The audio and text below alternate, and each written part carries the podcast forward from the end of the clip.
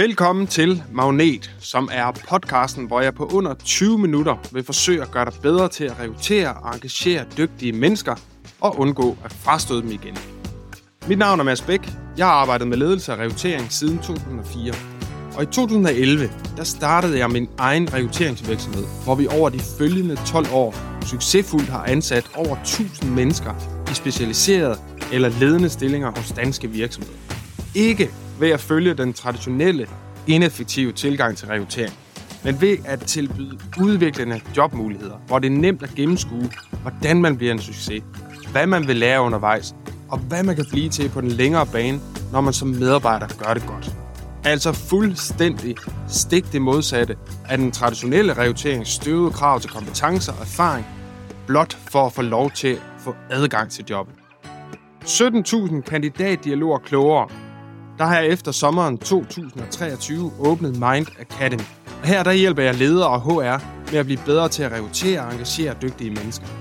I den her podcast, der deler jeg ud af alle vores erfaringer, værktøjer, uh, do's and don'ts, how-to skabeloner, cases, fejl du for alt i verden bør undgå, og alt hvad du bør gøre for kontinuerligt at lykkes med dine rekrutteringer fremover. Tusind tak, fordi du har valgt at lytte med.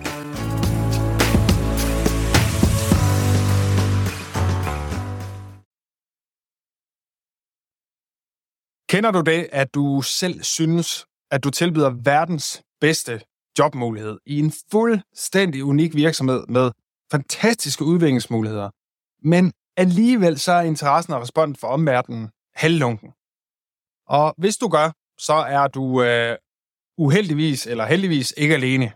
Øh, hvis der er én ting, jeg skulle pege på som direkte kuldsejler et hav af rekrutteringer, så er det manglende evne til at oversætte ens egne tanker og følelser om en jobmulighed til konkrete, forståelige ord, der skaber nøjagtig samme begejstring hos modtageren. Og der er stor sandsynlighed for, at årsagen til den halvfæsende respons er, at du ikke har styr på præcis den del, som er allervigtigst at være klar i spyttet om, når du definerer dit job, din EVP. Og heldigvis er det nemt at gøre noget ved, og reaktionerne fra omverdenen vil med garanti gå fra halvlunkende til overvældende, når du får styr på den her del.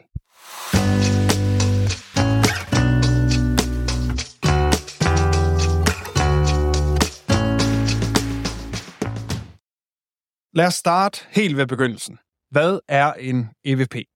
Og her der bad jeg min nye bedste ven, ChatGPT, om at beskrive, hvad og hvorfor en EVP er så afgørende i rekrutteringssammenhæng. Og her er en del af svaret.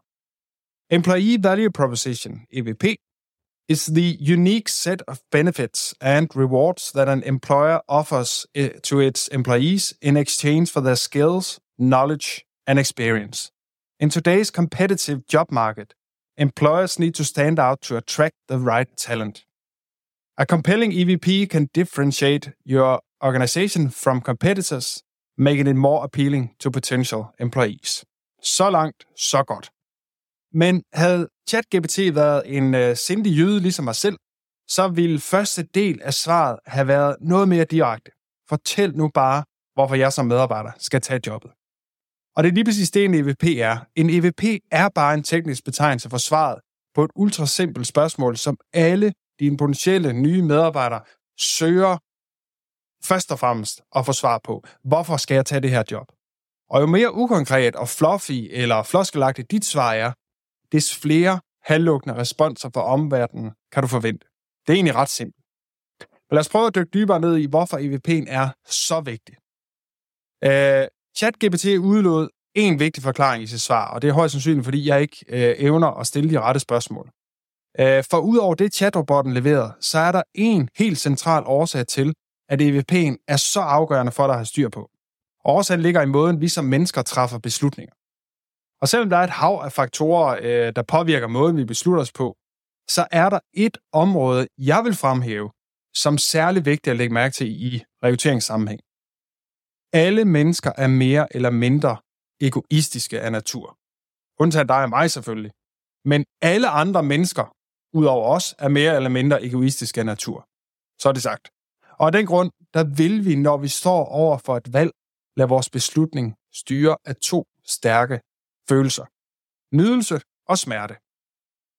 Hvad undgår jeg, hvis jeg træffer den her beslutning? Altså, hvilken smerte slipper jeg udenom, hvis jeg gør det her? Eller hvad opnår jeg, hvis jeg træffer den her beslutning? Hvilken nydelse giver beslutningen mig? Og det fører alt sammen i en mere eller mindre egoistisk retning. What's in it for me? Og det gælder altså uanset om du er øh, ude at købe ind, prøve nyt tøj, øh, overvejer studieretning, øh, vælger din livspartner eller øh, beslutter, øh, beslutter dig for et nyt job. Det er altid nydelsen eller smerten ved noget, som styrer dit valg i den ene eller anden retning, bevidst eller ubevidst. Og det betyder samtidig også, at hvis der ikke er nok nydelse at opnå, eller nok smerte at undgå, så træder vi vandet. Og det resulterer enten i ubeslutsomhed, altså en periode, hvor vi var for imod og ikke rigtig gør noget, eller lige frem beslutning om at bevare status quo, altså passivitet. Jeg vælger ikke det ene eller det andet. Og en afgørende faktor for, om der forbindes nok nydelse eller smerte med noget, er vores evne til at gøre beslutningens konsekvenser, altså smerten, eller mulighederne, nydelsen, konkrete og tydelige nok i vores tanker. Eksempel. Lad os antage, at klokken er 15.00 på din arbejdsplads, og der er lige nogen, der har serveret kage. Du overvejer, om du skal tage et stykke kage mere. Ubevidst eller bevidst, der vil din overvejelse højst sandsynligt springe mellem følgende. Hvad opnår jeg ved at nuppe et stykke øh, kage mere? Det kunne være, at det smager godt, det aktiverer belønningscentret, det giver et kortvarigt velbehag øh, og nydelse osv. Eller hvad undgår jeg ved at lade kagen stå? Og det kunne fx være fortrydelse øh, senere i dag, øh, eller øh, du skal ikke knokle yderligere for at smide overflødet kilo. Øh, det kunne være, øh, øh, at du føler utilfreds over din manglende selvdisciplin. Det kunne være et spark til den dårlige selvtillid osv. Det er det, der fylder og betyder mest for dig i din overvejelse mellem, hvad du opnår og hvad du undgår vind. Altid.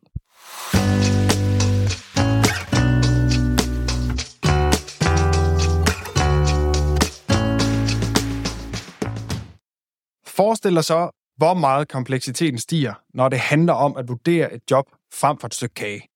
Nu er vi tilbage ved årsagen til den handlukkende respons på det, der i dit hoved er verdens bedste jobmulighed. Det er ikke tydeligt nok for omverdenen at se, hvad de konkret opnår ved at hoppe ombord i det job, du tilbyder. Og derfor så gør de ikke mere ved det. Enten fordi du øh, beskriver jobbet i alt for vage vendinger, øh, øh, du bruger for mange overfladiske, gennemtærskede rekrutteringsfloskler, du snakker for meget med selv, bruger altid på at fortælle om kravene til jobbet, Øh, eller reelt bare ikke ved nok om, hvad jobbet præcis indebærer. Og det er især det sidstnævnte her.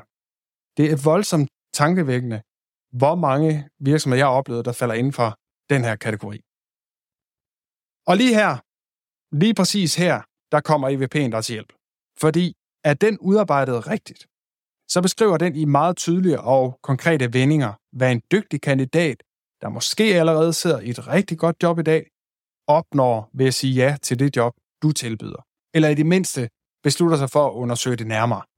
EVP'en hjælper kandidaten med at træffe beslutninger til din fordel. Og det er hovedet på sømmen, hvorfor EVP'en er så vigtig at have styr på.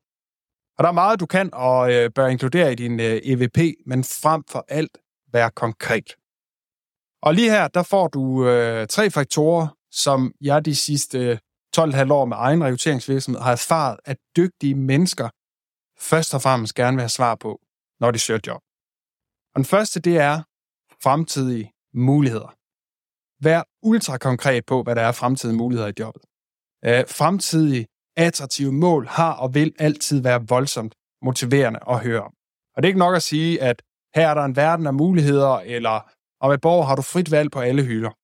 Vær specifikt. Hjælp dem med at beslutte sig ved at være konkret om mulighederne. Kirurgisk præcision er mantraet på den her. Hvilke muligheder er der tale om? Hvad skal jeg gøre i jobbet for at komme derhen? Og hvilke resultater skal jeg levere, for at det bliver en realitet?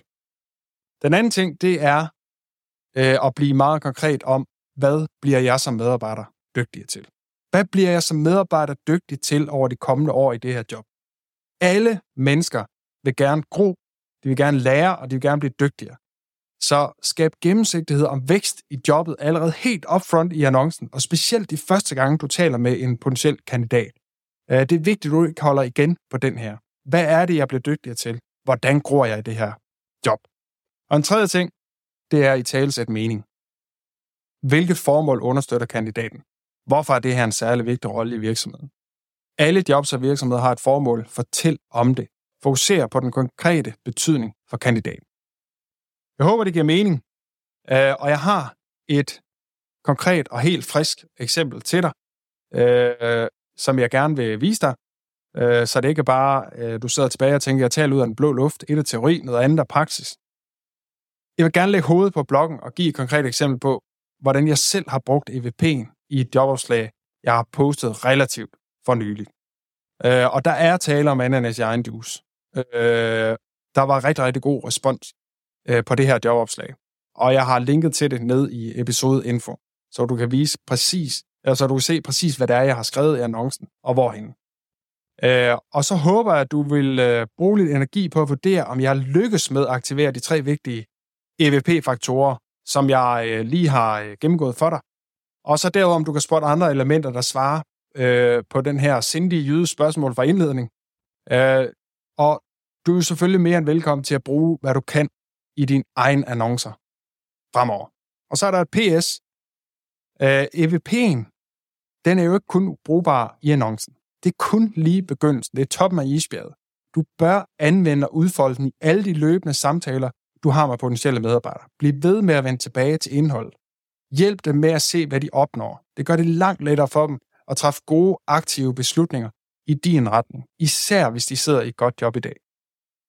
Øh, hvis du øh, sidder tilbage nu og har fået lyst til at blive bedre til at udarbejde EVP'er eller blevet mere nysgerrig på det, så har jeg for nylig udgivet et øh, online-kursus, der hedder Sådan skriver du jobannoncer, der får flere kvalificerede kandidater til at søge jobbet, uden at være kommunikativt mastermind. Og den er altså baseret på de erfaringer, jeg har gjort mig med min egen rekrutteringsvirksomhed øh, på over 1000 annoncer over de sidste 12,5 år.